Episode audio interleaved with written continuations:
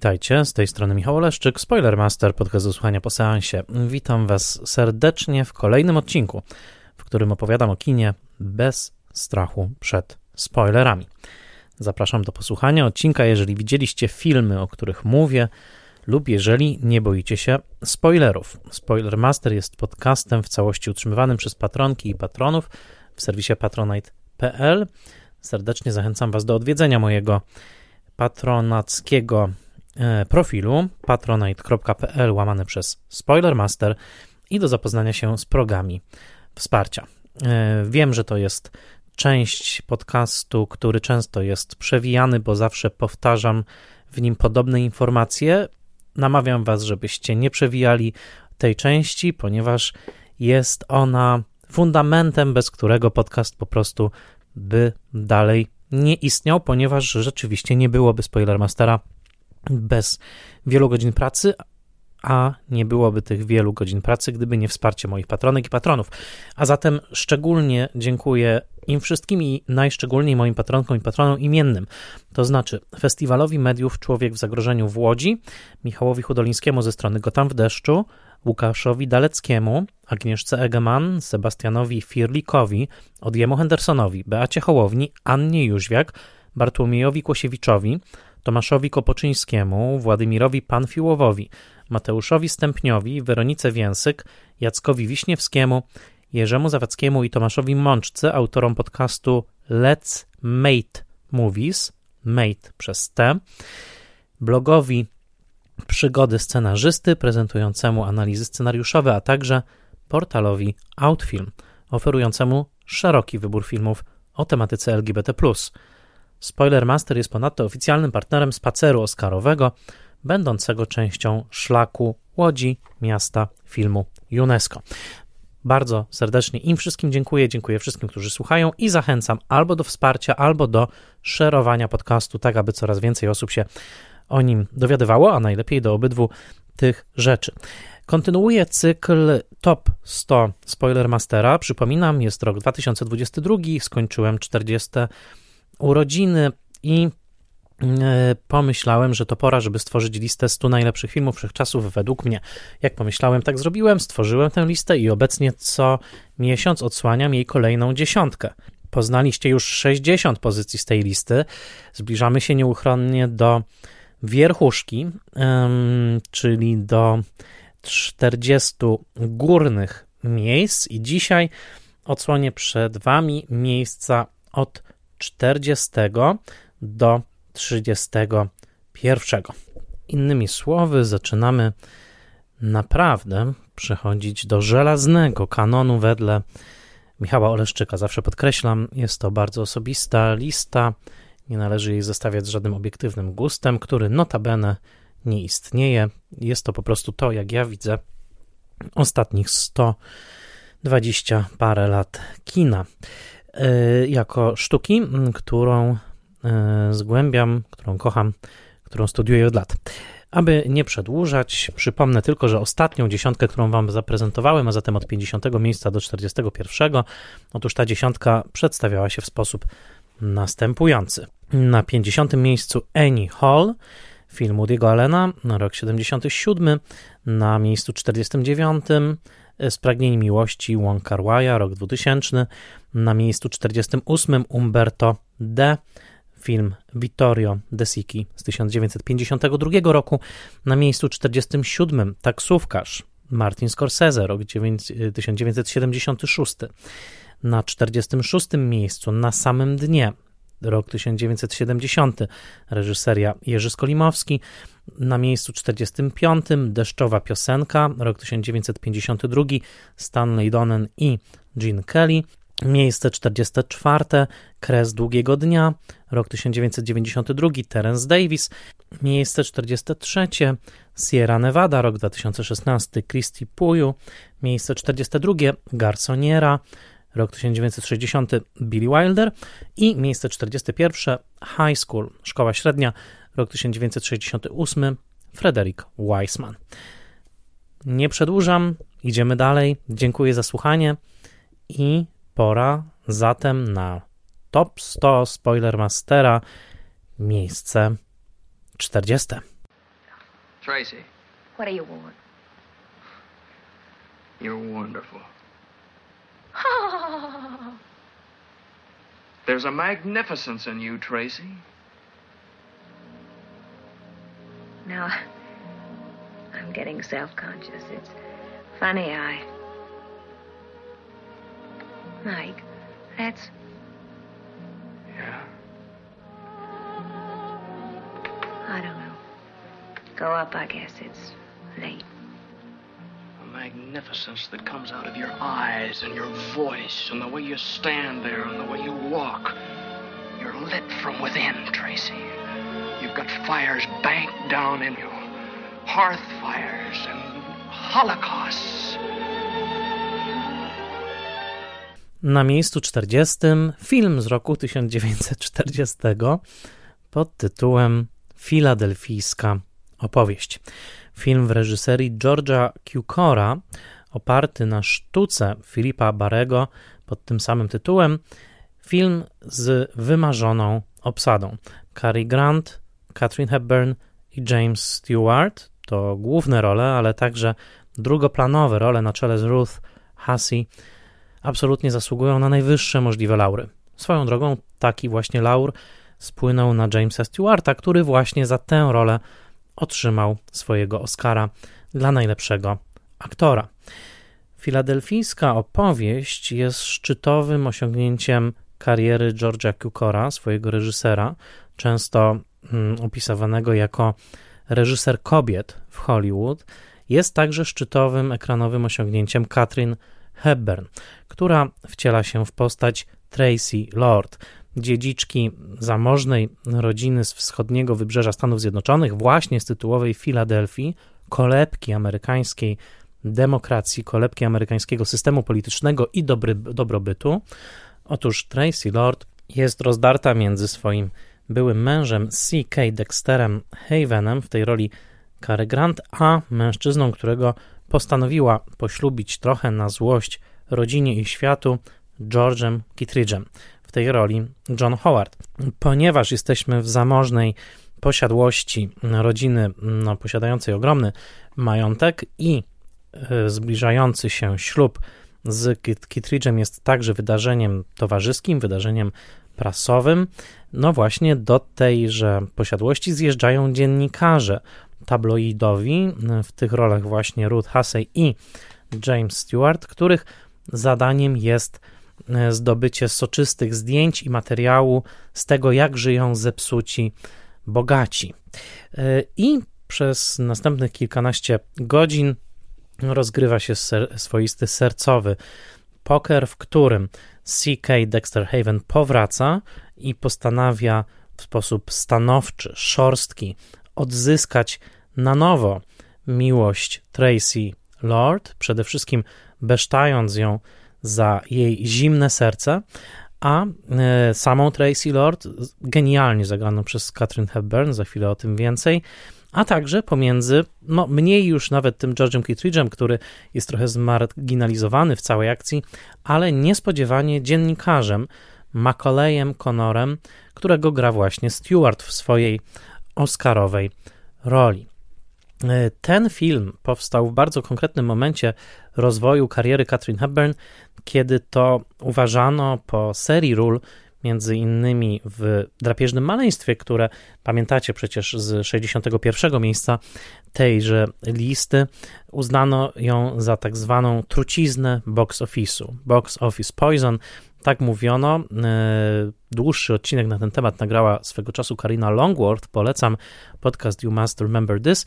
Ważne jest w kontekście filadelfijskiej opowieści, aby pamiętać, że miał być to film, który po sukcesie Hepburn na Broadwayu, właśnie w roli Tracy Lord, miał trochę przybliżyć na nowo tę bardzo specyficzną aktorkę e, publiczności amerykańskiej, tak aby ta publiczność na nowo ją polubiła. Po rolach bardzo ekscentrycznych, po rolach często dla szerszej publiczności irytujących, może nawet dziwacznych, takich jak inna dziedziczka Susan Vance, właśnie w e, drapieżnym maleństwie, Tracy Lord miała być tą figurą, która na naszych oczach zostaje, no właśnie, skarcona, przywołana do porządku, nauczona pokory. To jest bardzo oczywiście z jednej strony ryzykowny koncept, z drugiej strony wyrastający gdzieś z szekspirowskich korzeni, mianowicie z poskromienia złośnicy. No ale jeżeli obsadzacie w roli swojej złośnicy Katrin Hepburn, liczcie się z tym, że to ona zdominuje swoją i klasą, i wyniosłością, i przekonaniem własnej wartości, i swoim po prostu swoją siłą charakteru cały film. I to właśnie jest taki film, by użyć e, frazy Agaty Billy Grobson, nie, wy, nie wypowiedzianej w kontekście tego filmu, tylko w kontekście filozoficznym, e, mianowicie jest to film pełen silnych podmiotów. E, bardzo silnym podmiotem chwilami także przemocowym jest Seeker, CK Dexter Haven, bardzo silnym podmiotem jest Catherine Hepburn, czyli Tracy, Tracy Lord i sama Catherine Hepburn, która jest być może najsilniejszym kobiecym podmiotem kina lat 30. i 40. i silnym, bardziej na sposób ludowy podmiotem jest James Stewart. W tym wszystkim jest y, oczywiście stawka polegająca na rozkładzie sił, ponieważ filadelfijska opowieść nie ma absolutnie żadnych wątpliwości. Jest to film może nie pesymistyczny, ale jak powiedziałby Robert Bresson, film, który przygląda się rzeczom, rzeczom takim, jakie one są, w sposób światły. Mianowicie tą stawką jest oczywiście rozkład władzy, tak? Kto będzie miał więcej do powiedzenia i jak ta siatka e, zależności, właśnie siatka władzy, siatka e, prestiżu będzie się rozkładała w tym konkretnej, w tej konkretnej ludzkiej konstelacji. No i przez cały film w genialnych dialogach przepięknie nakręcony także film przez Josefa Rutenberga. Widzimy właśnie Tracy, która z jednej strony jest trochę jak księżniczka, która może wybrać e, mężczyznę spośród tej trójki, a jest jeszcze oczywiście jej ojciec, którego ona na początku beszta za zdradę małżeńską, on później na końcu ją beszta za jej nieczułość. I brak zrozumienia dla ludzkich upadków, namiętności, niedoskonałości ale z jednej strony ona właśnie jest jak taka bohaterka obdarzona możliwością wyboru pomiędzy trzema mężczyznami, ale z drugiej strony jest to bohaterka, która w trakcie filmu cały czas zadaje sobie pytanie o to, czego tak naprawdę chce. Stawka jest bardzo wysoka, bo jej stawką jest i szacunek dla samej siebie, i ta projekcja siły, którą wytworzyła na potrzeby dotychczasowego swojego życia, mianowicie jej reputacja jako właśnie osoby niezależnej, silnej, decydującej o sobie. Czy wolność, niezależność i siła mogą iść na jakiekolwiek kompromisy? Czy mogą sobie pozwolić chociaż na troszeczkę uległości po to, aby chociażby poczuć się bezpiecznie, aby poczuć się zaopiekowanym? Relacje w tym filmie są bardzo skomplikowane. Dotyka się tutaj tematu przemocy domowej, dotyka się tematu alkoholizmu, dotyka się tematu małżeństwa bez miłości i dotyka się tematu różnic klasowych, które w Stanach Zjednoczonych zawsze są tematem tabu. Jest to społeczeństwo rzekomo bezklasowe, a jednak, jak przypomina nam tytuł filmu, jest to właśnie filadelfijska historia, albowiem tylko w owej niemalże arystokratycznej Filadelfii mogła się ona rozegrać. E, ten delikatny taniec właśnie na, na krawędzi przywileju, kobiecości, męskości, władzy i podległości, seksualności i inteligencji w genialnych dialogach rozpisanych na potrzeby ekranu przez Donalda Jena Stewarta rozgrywa się w tym filmie na niesłychanym poziomie wyrafinowania. Jeżeli film kiedykolwiek jako sztuka osiągnął wyrafinowanie największych dokonań teatralnych, szekspirowskich, także poetyckich, właśnie w tak zwanym comedy of manners, czyli dosłownie w komedii obyczaju, to Filadelfijska opowieść jest właśnie tym filmem, w którym udało się to najlepiej. Jest to film, który mogę oglądać bez końca.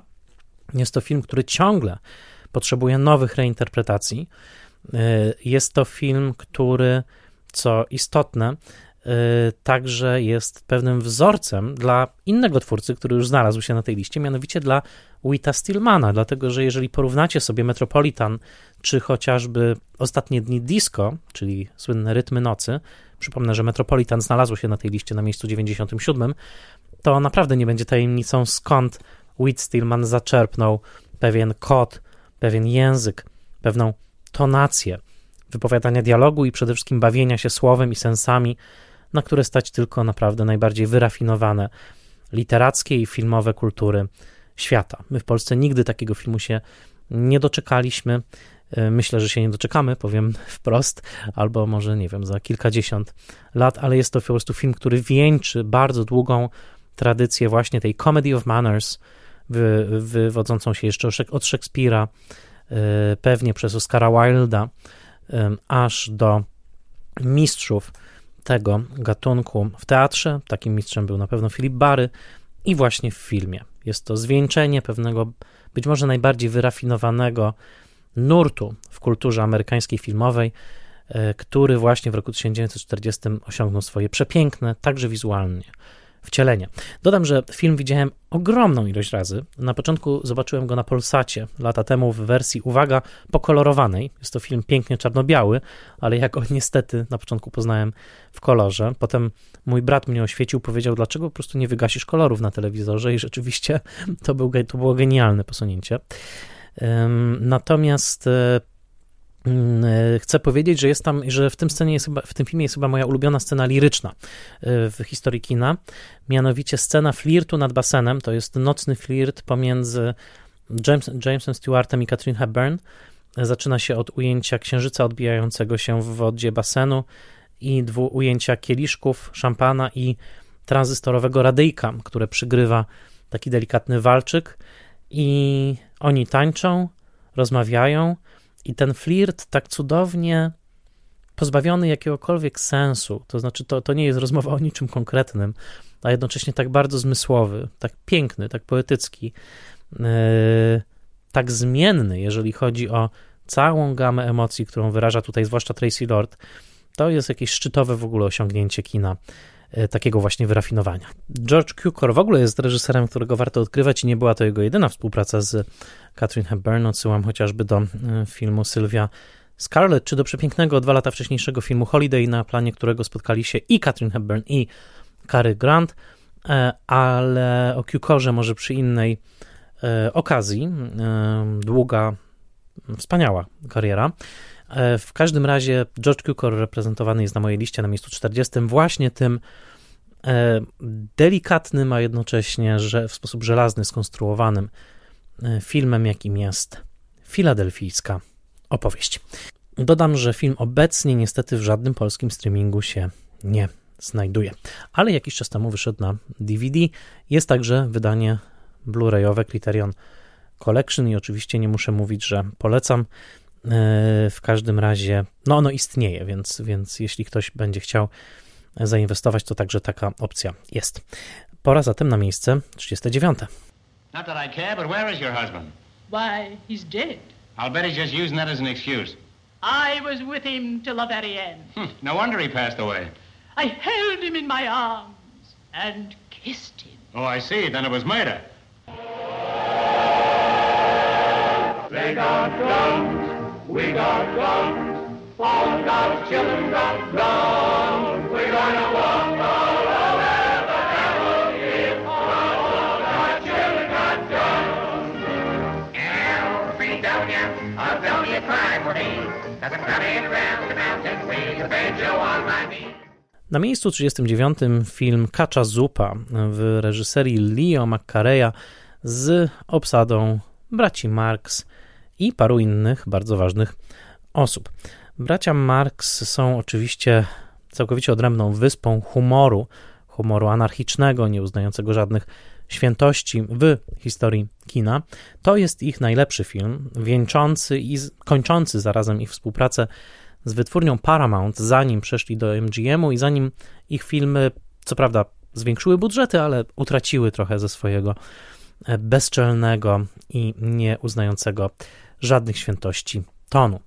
E, Leo McCarey, który jest jednym z wybitnych reżyserów kina amerykańskiego, oczywiście bardzo nierównym, jak spojrzymy na jego karierę, ale jednak jest to człowiek, który podpisał tak cudowne filmy, jak chociażby Love Affair z roku 1939 i arcydzielne Make Way for Tomorrow. E, w tym przypadku nawet nie chciał za bardzo pracować z braćmi Marx, denerwowali go, ale było to znakomite połączenie, albowiem Leo McCarey łączył w sobie umiejętności pracy z komedią bardziej opartą na dialogu, jak chociażby w filmie e, Straszliwa Prawda i e, slapsticku z czasów kina niemego, ponieważ w kinie niemym Leo McCarey jak najbardziej jeszcze pracował i stąd także genialne, właściwie nieme interludia w Kaczej Zupie, kiedy to e, zwłaszcza Chico i Harpo wygłupiają się w towarzystwie właściciela e, stanowiska z lemoniadą.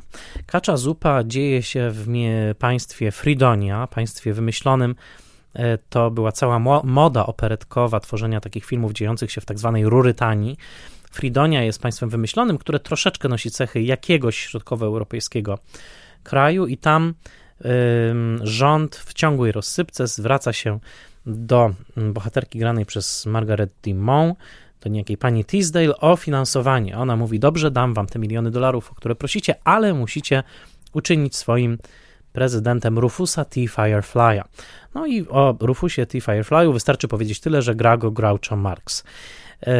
Jest despotą, tyranem, jednocześnie komikiem estradowym, który łączy te wszystkie cechy i tworzy postać kogoś w rodzaju mm, wodewilowego króla Ubu. E, naprawdę, e, oczywiście za, za, zaprowadza we Fridonii szalone rządy, do, doprowadza koniec końców do wojny. E, jest to film, który trwa około godziny i jest to najbardziej wybuchowa komedia wszechczasów. To znaczy, jest to film, który pokazuje tak naprawdę w swojej najgłębszej warstwie dążenie do wojny i do zniszczenia jako wewnętrzny mechanizm wszelkiej polityki. Film jest rodzajem oczywiście zawolowanego ostrzeżenia przed tyranią jako taką. W momencie, kiedy film był kręcony, w Niemczech do władzy dochodził Hitler. Znane już były także osiągnięcia Mussoliniego. Bracia byli oczywiście tego bardzo, bardzo świadomi, zwłaszcza jako Y, Amerykanie żydowskiego pochodzenia i opowiadali w rozmaitych miejscach o tym, że w trakcie kręcenia kaczej zupy robili przerwy w zdjęciach po to, żeby słuchać w radiu właśnie doniesień z Niemiec i Włoch, a zatem y, groza zbierającej się burzy była jak najbardziej wyczuwalna. Ta zgroza na ekranie tłumaczy się na niepohamowany śmiech.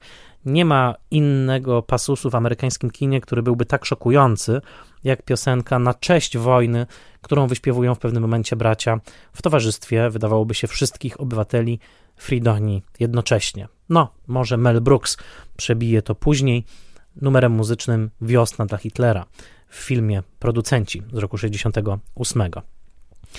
Bracia Marx byli gigantycznym fenomenem. Dzisiaj może nie doceniamy, jak bardzo byli podziwiani także przez elity um, światowej sztuki. Salvador Dali był fanem, stworzył dla Harpo specjalną rzeźbę w postaci harfy ze strunami z drutu kolczastego i chciał pracować z braćmi. Siergiej Eisenstein i wielu innych intelektualistów było także pod wrażeniem e, braci Marx.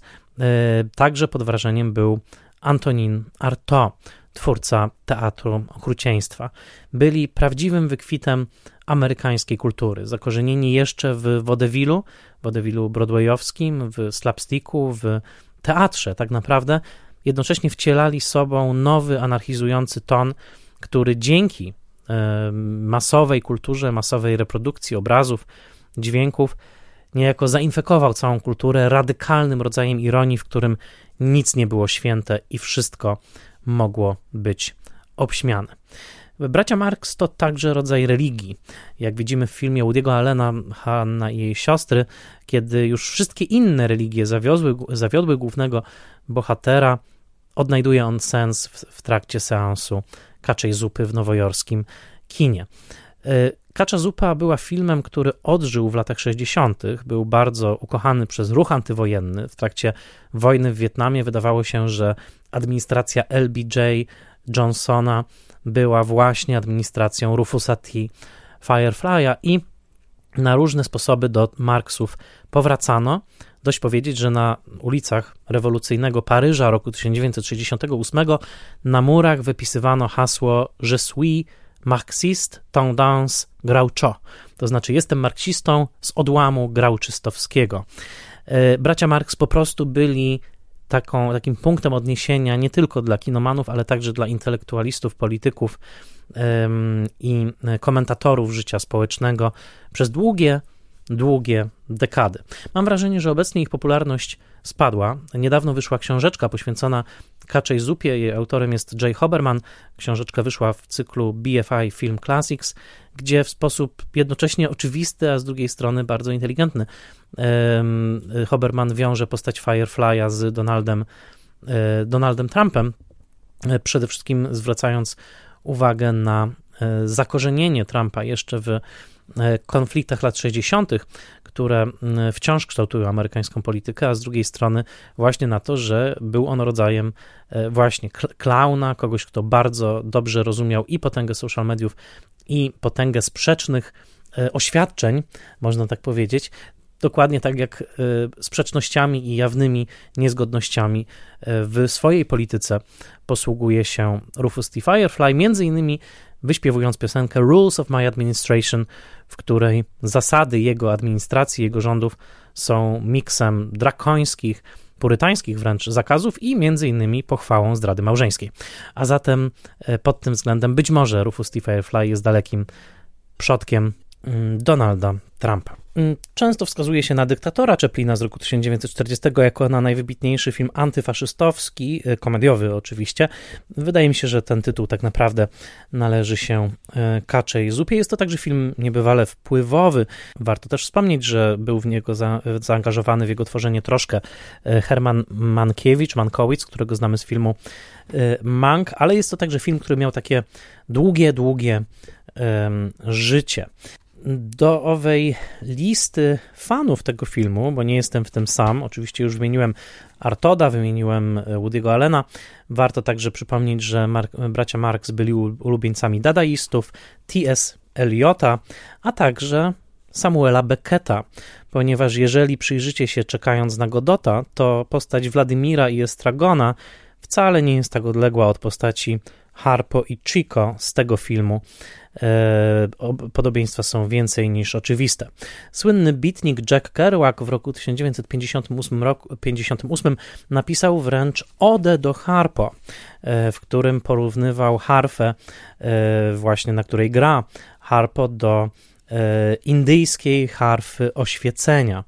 Inni fani to m.in. Ken Jacobs czy Roger Crump, Philip Roth, który marzył o adaptacji Zamku Kawki z Groucho jako geometrą, Joseph Heller, odnajdziecie ślady kaczej zupy bez trudu w paragrafie 22, Stanley Kubrick, dr Strangelove jest absolutnie późniejszym atomowym wcieleniem kaczej zupy, a także ogromnymi fanami byli Beatlesi, Spójrzcie na film Help i zobaczcie, jak bardzo przypominają tam braci Marx jak cały ton filmu Richarda Lestera przypomina Kaczą Zupę, a nawet Vera Hitylowa, albowiem jej stokrotki z 1966 są feministycznym, nowoczesnym przepisaniem tej anarchii, którą w Kaczej Zupie odnajdujemy. Fanami byli także Abby Hoffman i Jerry Rubin, odsyłam do odcinka o siódemce z Chicago, którzy wręcz przebierali się za braci Marx a komentatorami tej twórczości byli tak szacowni naukowcy jak Jacques Rancière, Slavoj Žižek, Roland Barthes i Harold Bloom. Swoją drogą guru Agaty Bieli-Grobson, który umieścił piosenkę We're Going to War na liście największych dokonań kultury amerykańskiej XX wieku. Rufus T. Firefly pojawił się w 1994 roku na abchaskim znaczku pocztowym. Bardzo pomysłowy dobór. W końcu Abchazja to państwo nieuznawane, być może podobne pod tym względem do Fridonii.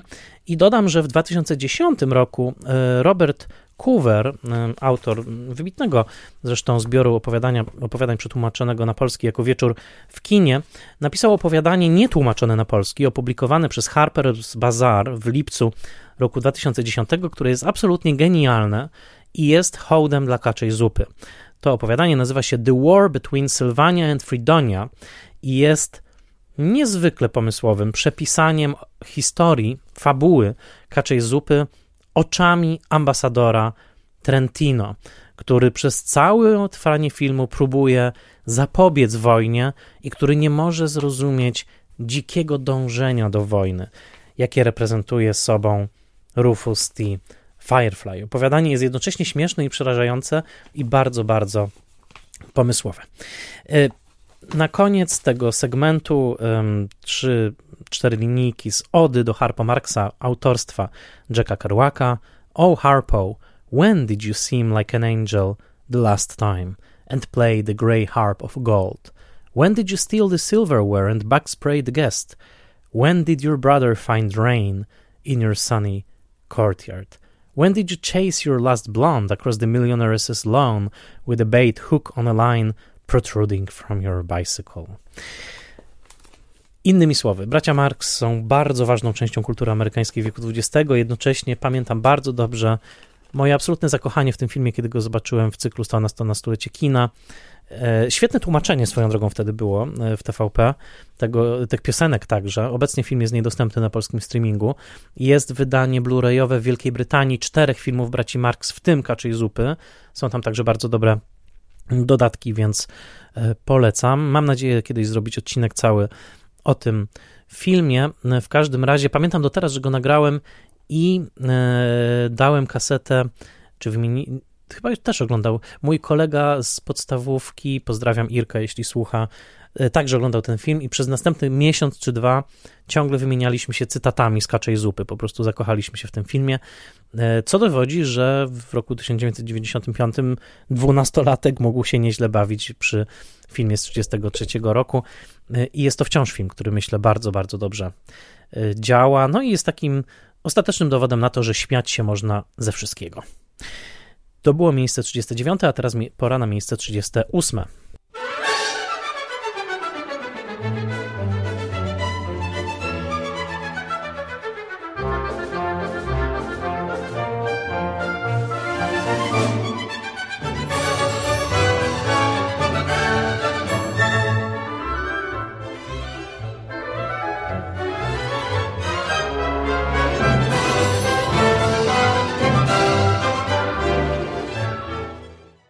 Na miejscu 38 film z roku 1924 pod tytułem Portier z hotelu Atlantic. Dochodzimy do takich wysokości na tej liście, że o wielu filmach już mówiłem w Spoilermasterze, nawet poświęcałem im osobne odcinki. E, poświęciłem cały cykl e, Friedrichowi Murnałowi, który jest reżyserem tego filmu, a zatem nie będę się tutaj rozwodził. Przypomnę tylko, że jest to być może szczytowe osiągnięcie kina niemego, film, który uruchomił czy uwolnił kamerę do nieskrępowanego ruchu przez wielkie przestrzenie, jednocześnie ruchu, który jest siłą narracyjną. Opowieść o portierze z berlińskiego hotelu, w tej roli posągowy, a później bryłowaty e, Emil Jannings, to opowieść o upodleniu człowieka przez system, o unieważnieniu człowieka przez moc kapitału dumny portier hotelu Atlantic zostaje zwolniony, ponieważ nie, nie, rusza się już tak szybko jak do tej pory, starzeje się i zostaje relegowany do roli dozorcy hotelowej toalety. Ta deklasacja jest dla niego tak porażająca, jest tak wielkim egzystencjalnym ciosem, że na naszych oczach dumny ze swojego munduru, dumny ze swojej liberii, portier staje się ważącym wiele kilo, co prawda, ale cieniem człowieka, taką pustą skorupą, wielką bryłą, która przesuwa się przez świat tego filmu, grając absolutnie całym ciałem, grając to ołowiane upokorzenie i w ostatnich minutach oczywiście fantazjując być może na temat pewnej zemsty ale nie dość, że film dotyka kluczowego tematu wieku XX, jakim jest właśnie uwznioślenie jednostki odrzuconej, ponieważ na tym opiera się innymi później włoski neorealizm, odsyłam do Umberto D., y, to po drugie jest to po prostu gigantyczny popis języka filmowego, wolności kamery i tego, co można zrobić posługując się montażem, obrazem, ruchem i aktorskim występem. Murnau był wielkim mistrzem kina, nie będę się teraz nad nim rozwodził, ponieważ nagrałem już ponad 4 godziny opowieści o Murnale, więc odsyłam do tamtych odcinków, ale to miejsce naprawdę jest zasłużone. Miejsce 38, wielki film niemy z nurtu Kammerspiel, niemiecki film pod tytułem Der letzte Mann, a po polsku Portier z hotelu Atlantic. No to chyba pora na miejsce 37.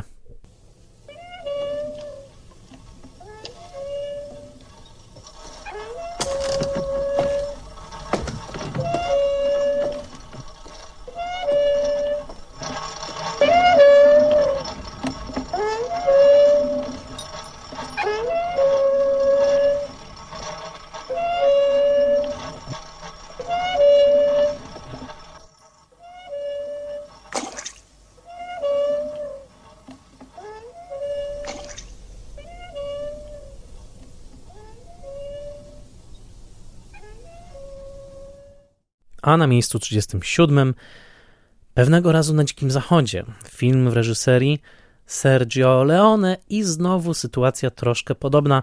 Nagrałem sążnisty odcinek o tym filmie, a zatem do niego odsyłam. Ten film, który miał być swoistym arcywesternem, jednocześnie kończącym, domykającym ten gatunek, jest arcydziełem kina, arcydziełem spaghetti westernu i arcydziełem westernu, jednocześnie wielkim triumfem filmowej wizji, w którym obraz, montaż, dźwięk, proporcje przedmiotów i postaci na ekranie, wszystko to, co jest na podorędziu reżysera filmowego, łączy się w sposób symfoniczny.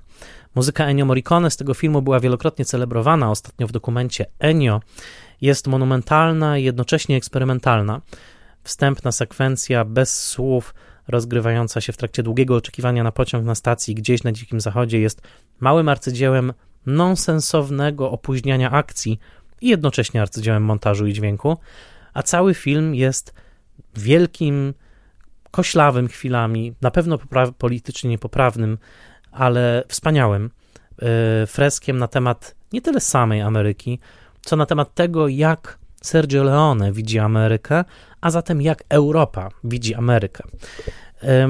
Więcej nie powiem, tak jak mówię, to jest ta sytuacja, w której możecie posłuchać ponad półtorej godziny moich zachwytów, a także historii powstania e, pewnego razu na Dzikim Zachodzie. Jedno jest pewne, ten film wciąż wpływa na historię kina, wciąż wpływa na twórców. Ostatnio oglądałem film e, nie w reżyserii Jordana Pila. Jest tam ewidentny hołd w stronę dawno temu na Dzikim Zachodzie, e, mianowicie scena śmierci ojca głównego bohatera, granego przez Daniela Kaluuya, E, czyli mm, w tym przypadku ojca gra Kid David, to w jaki sposób ten ojciec ginie i jak postrzega to syn, z jakiej odległości, jakie dźwięki temu towarzyszą i tak dalej. Jest to w zasadzie powtórzenie tego momentu, kiedy e, ginie córka Maureen w filmie e, pewnego razu na Dzikim Zachodzie, w jednej z najbardziej przerażających sekwencji wszechczasów, kończącej się zastrzeleniem małego chłopca, co do dzisiaj, tuż obok sceny prysznicowej z psychozy jest chyba najokrutniejszym momentem reżyserskim. E, przynajmniej w tym kinie klasy A, bo oczywiście nie mówię o kinie eksploitacji. Film pewnego razu na Dzikim Zachodzie jest dostępny na platformach Chili i Apple. E, są także wydania Blu-rayowe, a jakże? I jest to dowód na to, że kino, jako rozpisana na wiele instrumentów wizualno-dźwiękowa, symfonia namiętności i mitu, mitotwórstwa świadomego yy, może być wielką sztuką. Zastanawiałem się, czy na tym miejscu umieścić dawno temu w Ameryce, czy dawno temu na Dzikim Zachodzie. Oczywiście te dwa filmy idą ręka w rękę. O obydwu możecie posłuchać w Spoilermasterze. Obydwa uwielbiam, ale pomyślałem, że na tej liście to miejsce jest zarezerwowane dla jednego Leone, przy czym zapewne w zależności od dnia można by odwrócić tą plakietkę na tym konkretnym miejscu, podkreślam, tak jak było z miejscem poświęconym High School Weissmana i być może, jeśli zmrużycie oczy, to czasami na tym miejscu 37 zamigotałoby dawno temu na e, dawno temu w Ameryce. Wybrałem pewnego razu na Dzikim Zachodzie, być może dlatego, że troszkę bardziej przekonuje mnie e, główna negatywna postać tego filmu, to znaczy Henry Fonda jako ten naprawdę wielki czarny charakter. Takiego czarnego charakteru w, dawno temu w Ameryce nie ma, y, a wydaje mi się, że on jest świetnym podsumowaniem westernowej mitologii, ale to jest dzielenie włosa na czworo. Tak jak mówię, to miejsce jest zarezerwowane dla Leone i przy tym rozdaniu jest na nim pewnego razu na Dzikim Zachodzie. No to mi pora teraz na miejsce 36. Tawas!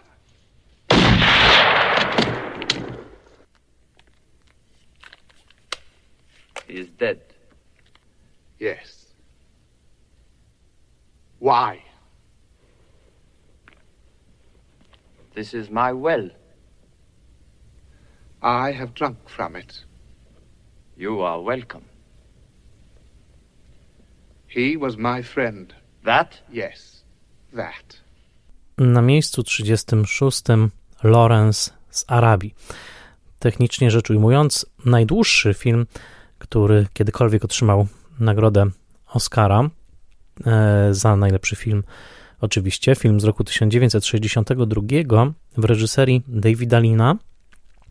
Film, który jest ulubionym filmem Stevena Spielberga, jednym z ulubionych filmów Martina Scorsese'ego i filmem, bez którego skali i pomysłowości wizualnej na pewno nie byłoby Gwiezdnych Wojen George'a Lucasa. Innymi słowy, jest tym dziełem kultury wizualnej, które co prawda pochodzi z wczesnych lat 60. i jest podpisane przez reżysera starej daty, czyli właśnie Davida Lina, ale zapowiada erę wielkiego filmowego spektaklu w nowej, szerokoekranowej odsłonie, opowiadając historię T.E. Lorenza, e, brytyjskiego szpiega wojskowego, który w drugiej dekadzie wieku XX próbuje zjednoczyć arabskie plemiona w walce przeciwko Turkom.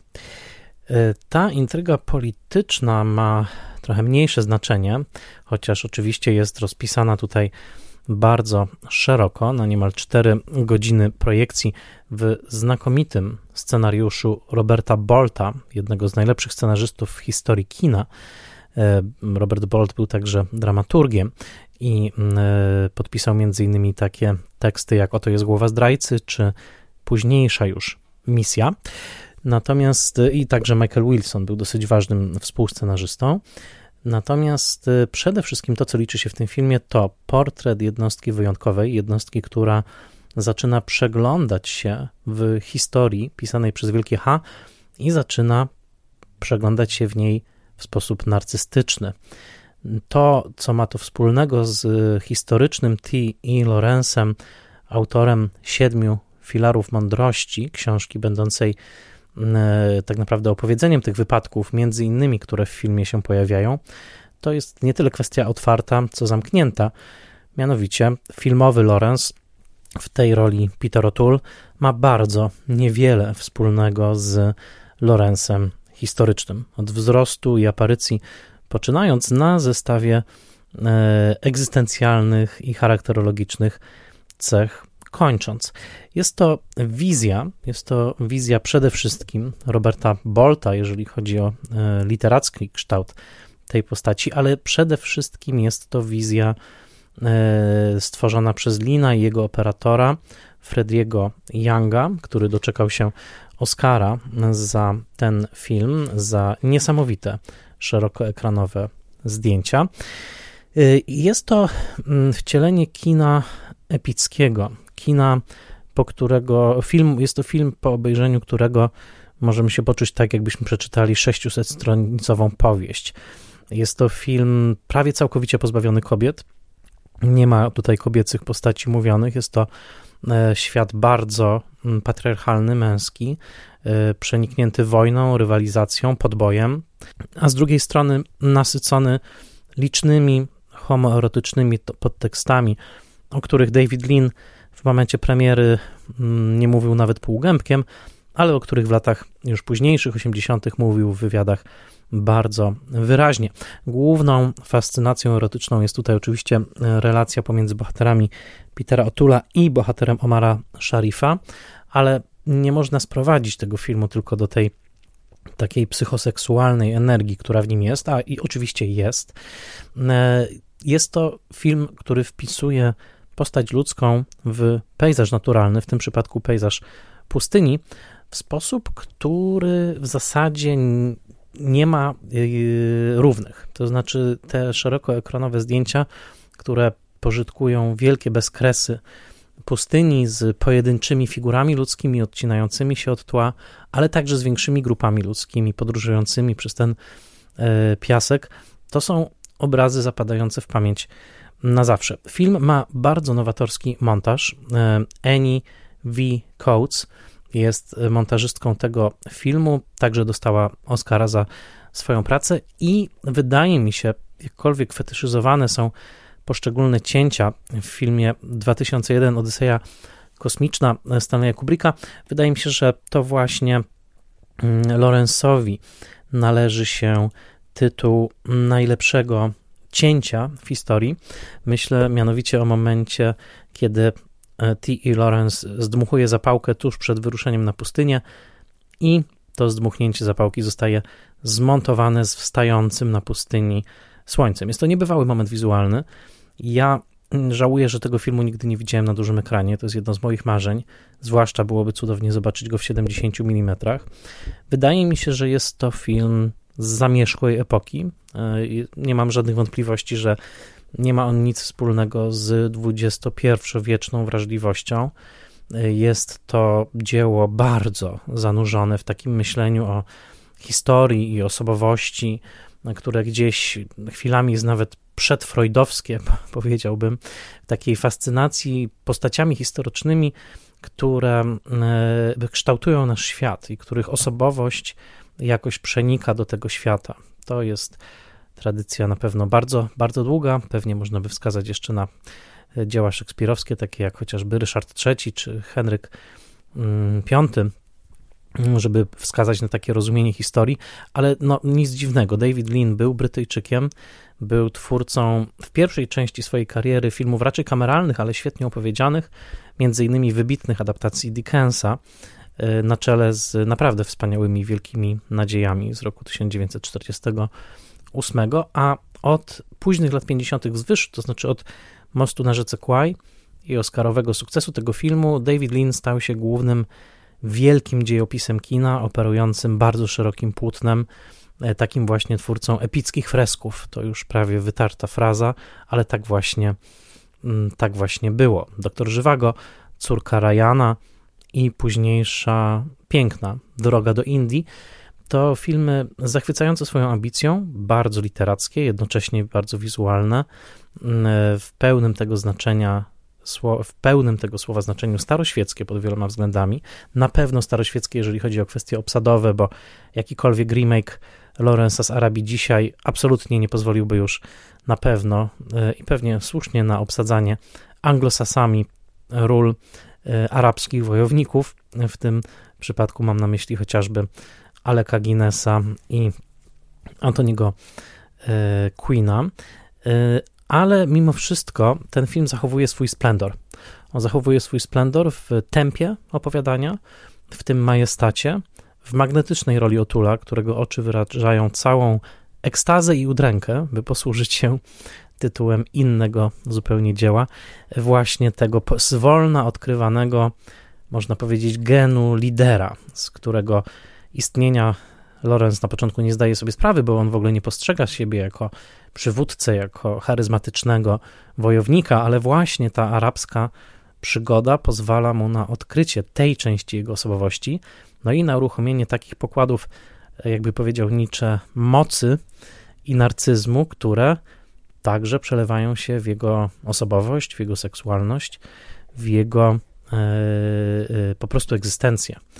I ten e, portret bardzo delikatnego człowieka, pięknego, Noel Coward po wyjściu z premiery tego filmu zażartował do Petera Otula, że gdyby był cho na, choćby o gram ładniejszy w tym filmie, to film musiałby się już nazywać Florence of Arabia, co wskazuje na taką androgeniczną, e, zawieszoną między kobiecością i męskością naturą Lorenza.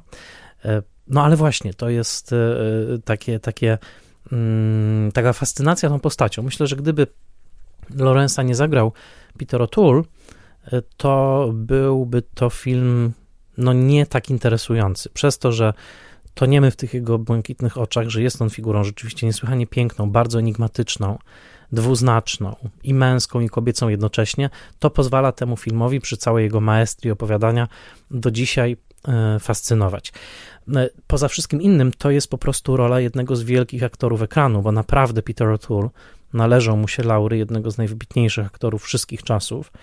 Także jego późniejsze, naprawdę genialne role komediowe w, Kaskaderze z przypadku The Stuntman i w cudownym filmie My Favorite Year e, to są role mistrzowskie. Także jego późniejsza rola Oscarowa nominowana do Oscara w filmie Venus. Więc gdzieś na przecięciu aktorskiej charyzmy i aktorskiej tajemnicy, piękna filmowanego krajobrazu, rozmachu opowiadanej historii i zespolenia takich elementów, jak właśnie zdjęcia Younga, montaż Coates, muzyka Morisa Żara i pewna ręka storytellera, opowiadacza historii Davida Lina, gdzieś na przecięciu tych wszystkich sił tworzy się piękno i majestat Lorenza z Arabii, który pozostanie dla mnie synonimem filmowego widowiska. A jeżeli wiemy, że jest to ulubiony film Spielberga, to już bez trudu naprawdę odnajdziemy w wielu filmach Spielbergowskich tematy, obrazy, e, czasem nawet sklejki montażowe, które do tego Lorenza będą nawiązywały e, i można powiedzieć, że gdyby nie Lin i gdyby nie jego formuła kina przez wielkie K, kina wielkiego, to pewnie ta wyobraźnia Spielbergowska też by się tak zamaszyście nie rozwinęła. Notabene okruszki Lorenza moim zdaniem można znaleźć w każdym filmie Spielbergowskim. Spójrzcie na Lincolna, dostrzeżecie tam okruchy e, Lorenza, spójrzcie na listę Schindlera. Wydaje mi się, że to jak Spielberg pokazuje Schindlera jest bardzo, bardzo zakorzenione w właśnie tym, jak Lin pokazywał Lorenza e, i tak dalej. To, to, są, to są takie abecadło języka kina epickiego, kina rozpisanego na wielkie skale, które potem przedostaje się do najlepszych filmów tego rodzaju w różnych częściach świata, między innymi u Spielberga. Film Lawrence z Arabii, klasyk, jest na miejscu u mnie 36. Obecnie można go oglądać na polskim Netflixie, a ja, tak jak mówię, mam marzę, żeby zobaczyć go kiedyś na dużym ekranie. Pora na miejsce 35.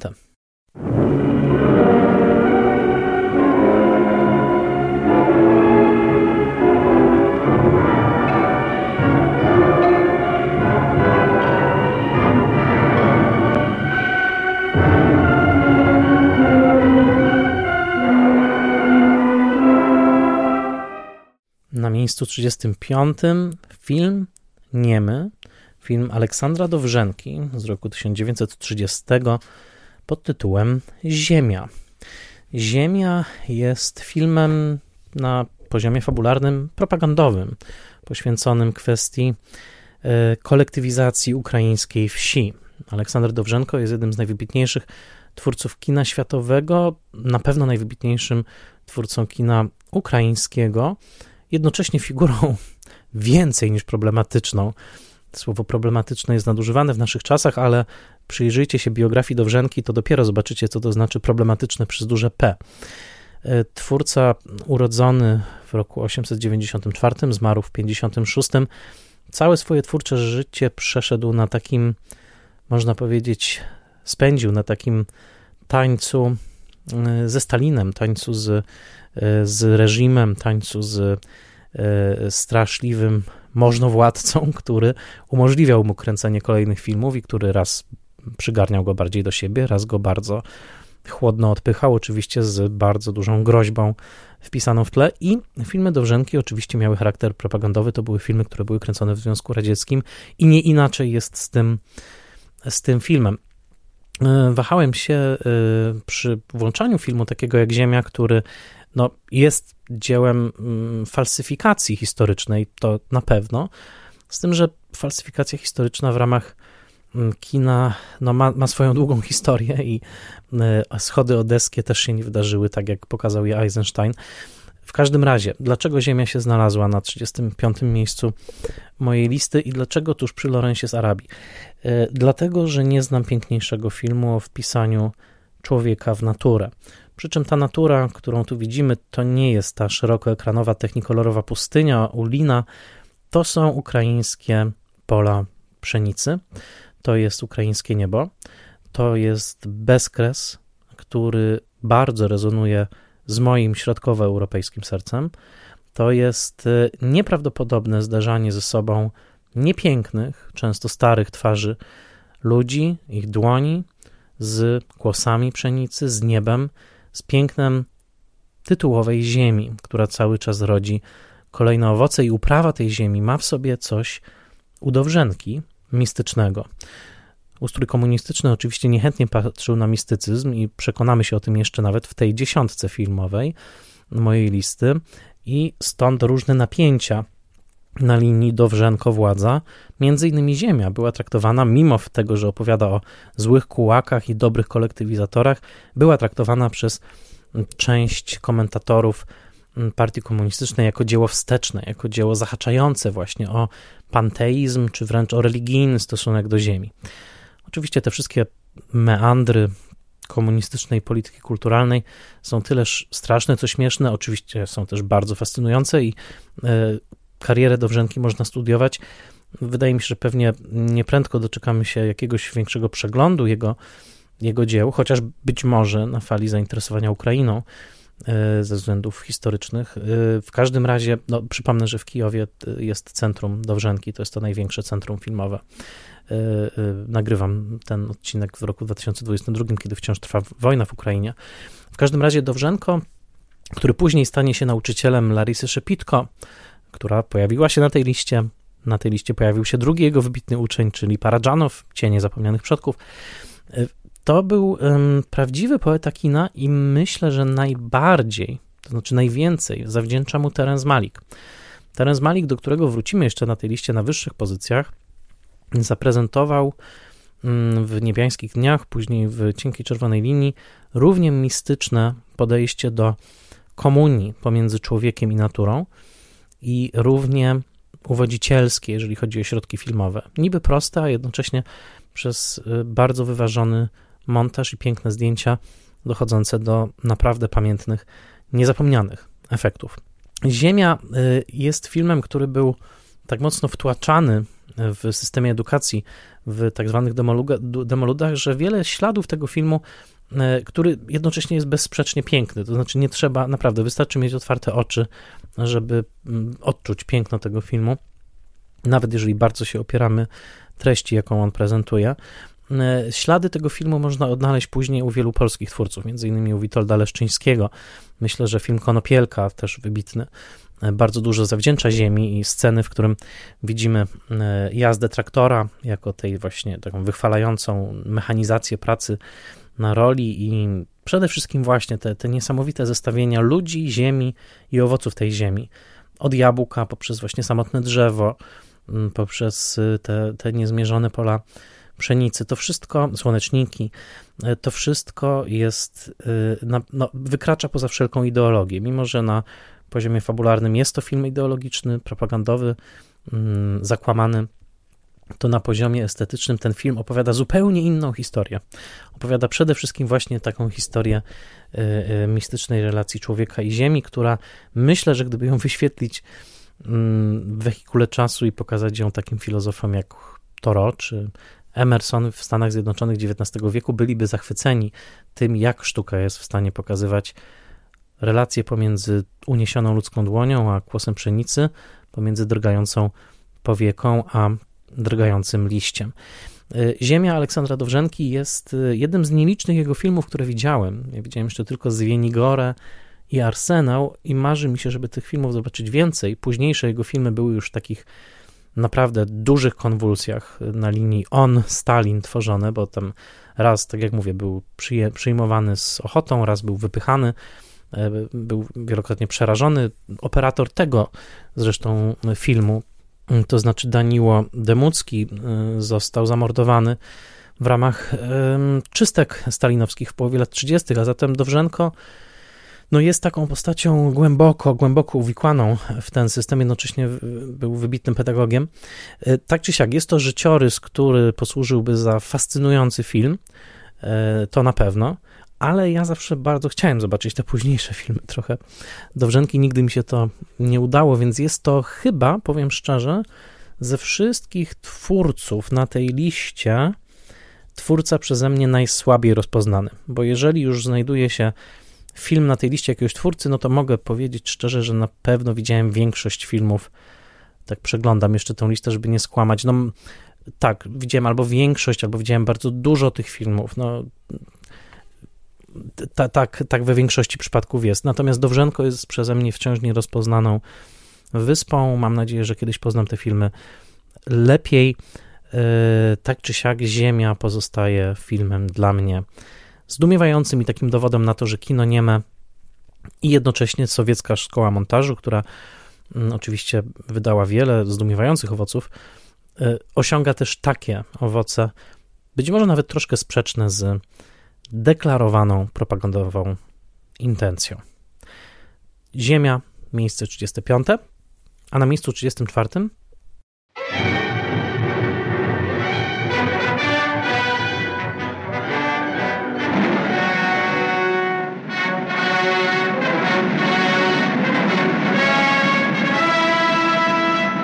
By divine grace, Frederick, King of Prussia, have, after a series of negotiations, decided to honor your family by selecting your daughter, Sophia Frederica, to forthwith set out for Russia, and there to become the bride of His Serene Highness Peter Fyodorovich, grandson of Peter the Great, nephew of Her Imperial Majesty, and heir presumptive to the throne.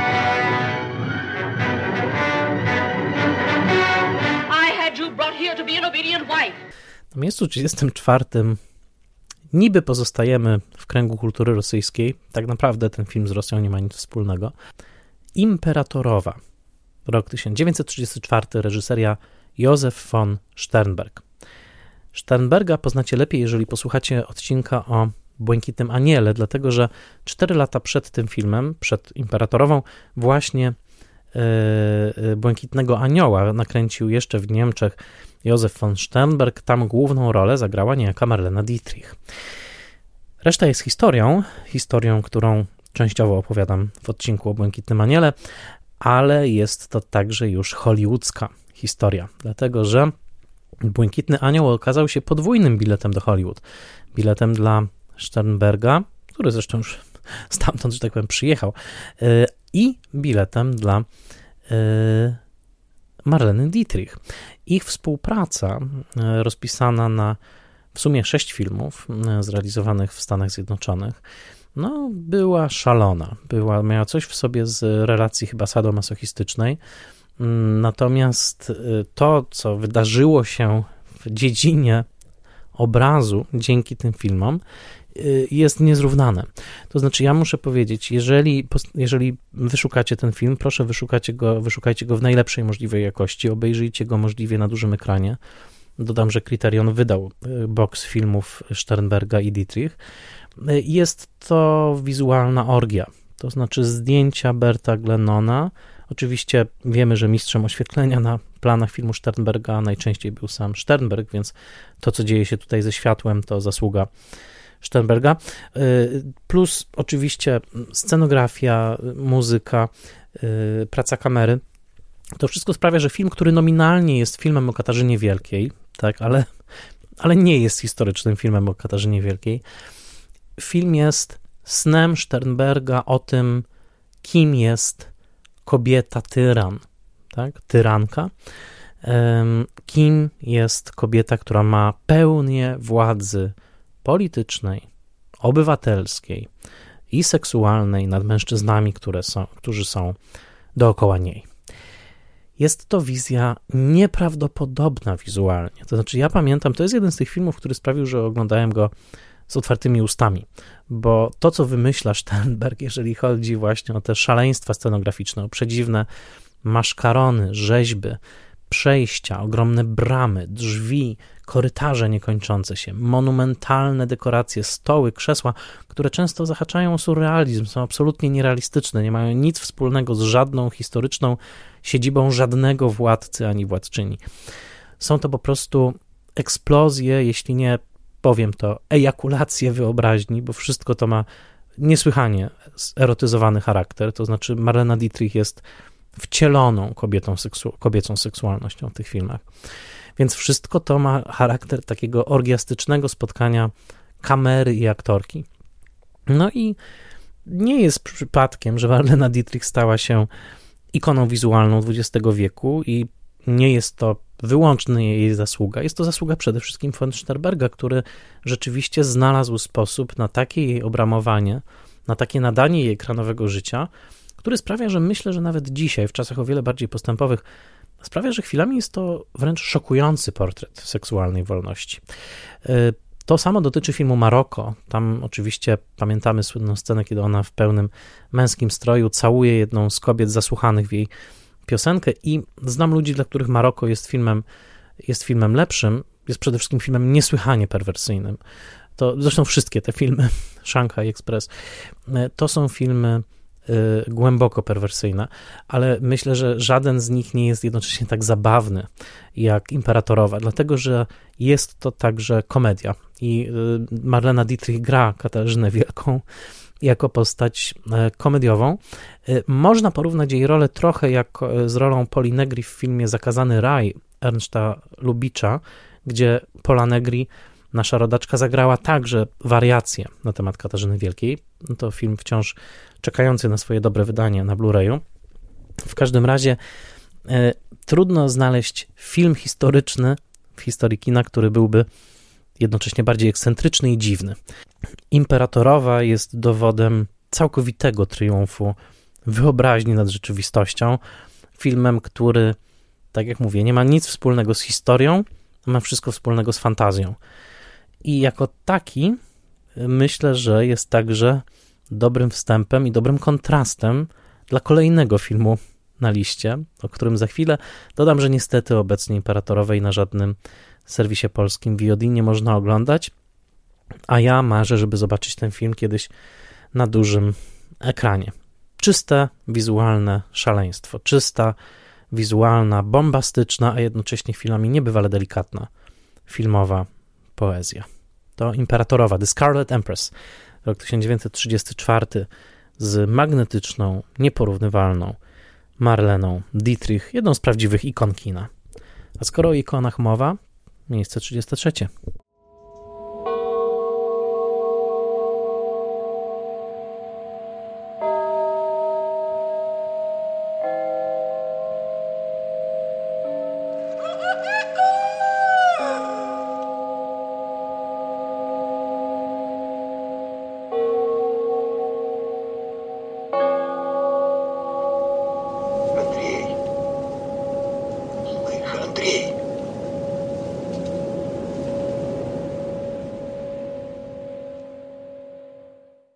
Na miejscu 33 twórca ikon Andrzej Rublow.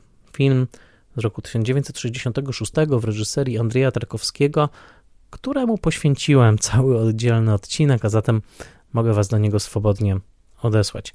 Szerokoekranowy, nakręcony przede wszystkim w czerni i bieli portret XV-wiecznego malarza ikon tytułowego Rublowa jest zaprzeczeniem bombastycznej wizji Sternberga, a jednocześnie jest filmem równej ambicji. Jest filmem równego zdominowania obrazu przez reżysera, tylko że nie w trybie kampowo, perwersyjno, barokowym, jak robi to Sternberg, tylko w trybie szerokiego, religijnego jednocześnie gestu.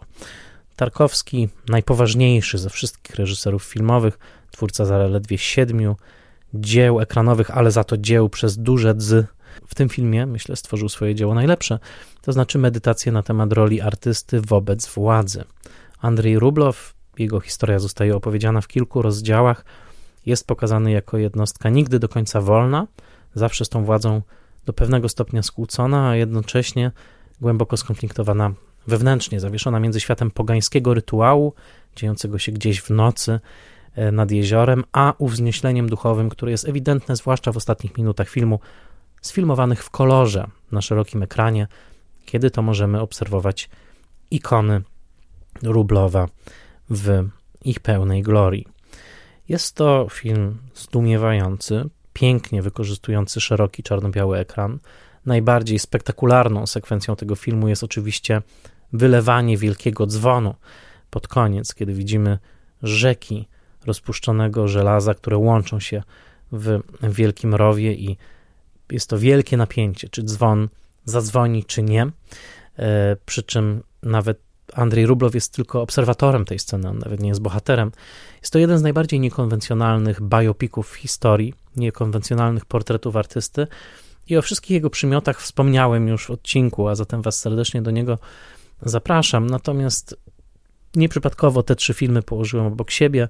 Ziemia, dzieło sztuki propagandowej ze szkoły sowieckiej, Andrzej Rublow, dzieło absolutnie antypropagandowe, stanowiące wyraz bardzo intymnej wiary Tarkowskiego w wolność ludzkiego ducha, a pomiędzy nimi imperatorowa, czyli wizja nazwijmy to Rosji wymyślonej, a przede wszystkim wizja Marleny Dietrich ubóstwionej, bo tak to trzeba powiedzieć, w sposób równie intensywny, chociaż zupełnie świecki, jak ma to miejsce na ikonach Rublowa, który z ogromną pasją portretował swoich świętych.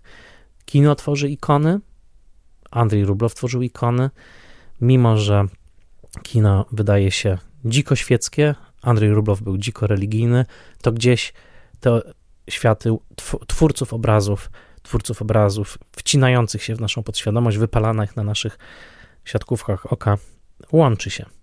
Andrzej Rublow i Imperatorowa to filmy o mocy obrazu i dlatego są tutaj na tej liście obok siebie. Andrzej Rublow obecnie może być oglądany na Flix Classics. Pora na miejsce 32. A night of total terror.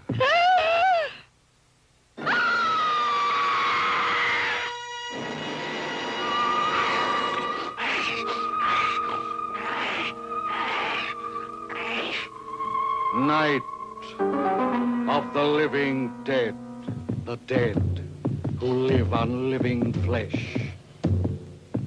The dead whose haunted souls hunt the living.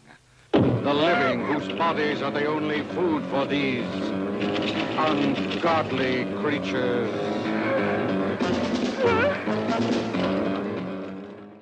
Na miejscu 32 Noc żywych trupów, film George'a Romero z roku 1968, do którego mam o tyle szczególny sentyment, że opowieść o tym filmie zapoczątkowała cykl Spoiler Master Classic. Spoiler Master Classic, czyli mój cykl poświęcony właśnie klasykom kina. E, odsyłam do tamtego odcinka, znowu przy tej górnej części rankingu często mam ten komfort. Horror zrealizowany za niewielkie pieniądze na taśmie czarno-białej w warunkach całkowitego filmowego samizdatu przez grupkę twórców z Pittsburgha, którzy do tej pory zajmowali się tworzeniem filmów przemysłowych i reklamowych, jest dowodem na przebudzenie się amerykańskiego kina niezależnego, na całkowite przeformułowanie tego, czym może być ekranowy horror, ekranowa groza i jednocześnie jednym z najlepszych filmów politycznych wszechczasów, stworzony w czasie e, niepokojów wojny w Wietnamie, napięć rasowych Stanów Zjednoczonych, tematów, które zostają genialnie odzwierciedlone w opowieści o tym, jak grupa zombich przejmuje władzę nad światem, nad Ameryką i przede wszystkim kończy egzystencję tego kraju, jakim znaliśmy jak do tej pory, czyli kraju bezpiecznego. Rozmaite niepokoje związane właśnie z wojną, z morderstwem Kennedy'ego, z dominacją telewizji nad codziennym życiem Amerykanów, wszystko to odzwierciedla się w wizji Romero, która dodajmy, nadal jest przerażająca. Pomimo tego upływu lat są tutaj obrazy, jak chociażby dziecko unoszące nóż e, i zabijające, po czym pożerające swoich rodziców, które mają moc jednoczesnego szoku i jakiejś takiej archaicznej, mitycznej wręcz e, e, siły. To znaczy, mm, no to są obrazy wyjęte jak z greckiej mitologii, kiedy w greckiej mitologii czytamy, że ktoś kogoś pożarł, prawda, że dzieci pożarły rodziców, rodzice pożarły dzieci. To wszystko są takie niesłychanie, niesłychanie brutalne opowieści. My to uładzamy, próbujemy tworzyć ładne książki z mitami. Nie, to jest właśnie to. Bebechy, żywe trupy, wylewające się flaki, wojna wszystkich ze wszystkimi. To wszystko jest w nocy żywych trupów Romero, a fakt, że narodziło się to właśnie w tej powojennej Ameryce, z, ze świata komiksów, ze świata groszowych opowieści grozy, ze świata tanich kamer, które wolni obywatele wolnego kraju mogli sobie kupować i robić co, co żywnie chcieli, po czym stał się to najbardziej wpływowy horror wszechczasów, no to wszystko tworzy niebywałą aurę wokół tego filmu i wydaje mi się, że mimo świetnych kontynuacji i tego, że kariera Romero rozwinęła się genialnie, to nic nie porównuje, nie może być nawet porównane z surową, energią, surową urodą, brzydotą jednocześnie Nocy Żywych Trupów, filmu bardzo niepokojącego do dzisiaj i nie zostawiającego żadnej taryfy ulgowej i żadnego pozytywnego zakończenia, bo moment, w którym główna postać czarnoskóra ginie w tym filmie na końcu, jest filmem, jest momentem wstrząsającym i chyba najbardziej porażającym komentarzem dotyczącym rasizmu w Ameryce. Jordan Peele nawet nie zbliża się do tego poziomu, kiedy kręci swoje, swoją drogą interesujące Get nie jest nawet blisko tej grozy, jaka jest zawarta w y, tym strzale, bezmyślnym strzale do czarnego obywatela Stanów Zjednoczonych, którym kończy się noc żywych trupów. Ten film w momencie, kiedy nagrywam, jest dostępny na TVP VOD, Chili i moje e-kino. A teraz pora na inną opowieść grozy. Miejsce 31.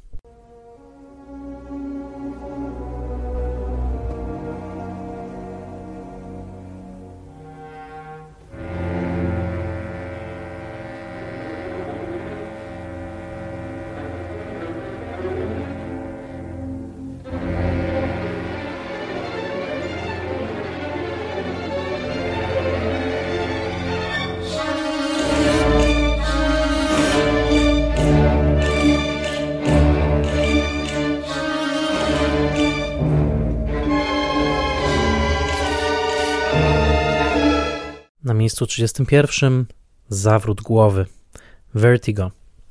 Film, który pokonał obywatela Keina w 2012 roku na liście Side and Sounda jako najlepszy film wszechczasów. Tak jak Wam wspomniałem, trwa rok 2022 i trwa jednocześnie kolejny e, ranking Side and Sounda. Jestem ciekaw, co w tym roku wygra. Już Wam powiedziałem, że i A. Zagłosowałem, B. Y, Jestem pewien, że Vertigo nie wygra, jestem pewien, że Obywatel Kane też nie wygra. To będzie rok wielkiego przetasowania.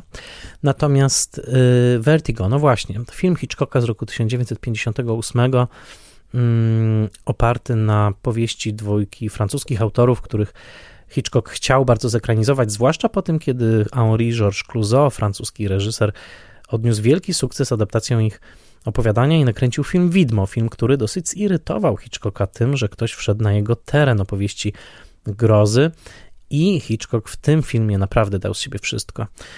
Vertigo jest jednym z najbardziej hipnotycznych dzieł w dziejach kina, na pewno filmem poświęconym głębokiej obsesji, romantycznej obsesji, takiej wyrastającej z romantycznej poezji, filmem, który jest bardzo nietypowy opowiedziany przez długie milczenia, pauzy, długie sceny śledzenia e, Kim Nowak przez Jamesa Stewarta w niebywale sfilmowanym San Francisco i tym wielkomiejskim, i tym podmiejskim, i tym archaicznym, hiszpańska misja katolicka na przykład, i tym przedwiecznym niemal, czyli w wielkim lasie sekwojowym, który staje się w tym filmie lasem zaczarowanym.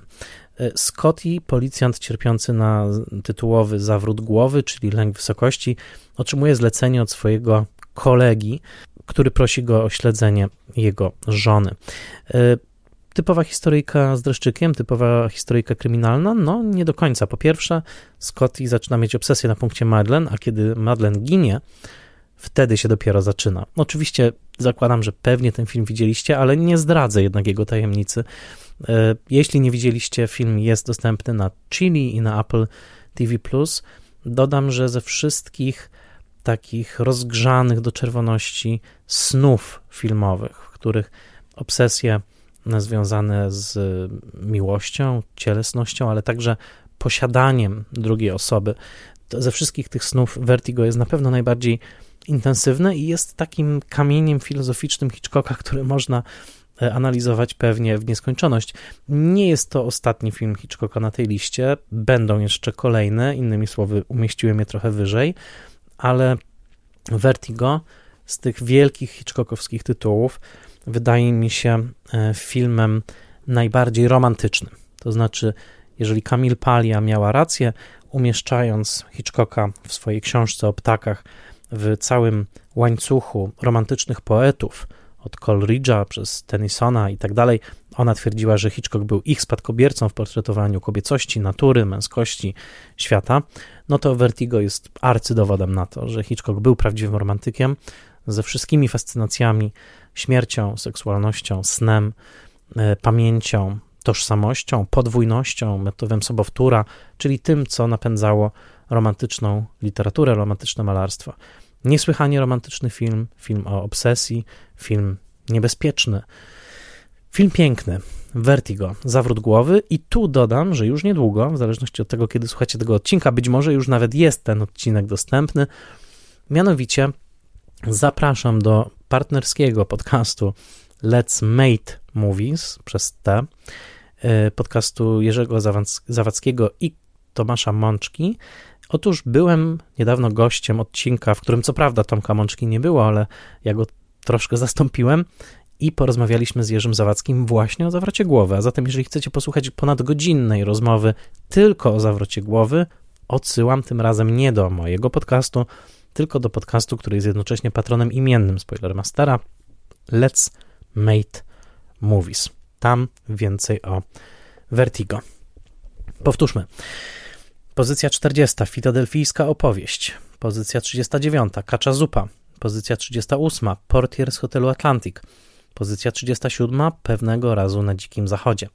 Pozycja 36. Lawrence z Arabii. Pozycja 35. Ziemia. Pozycja 34.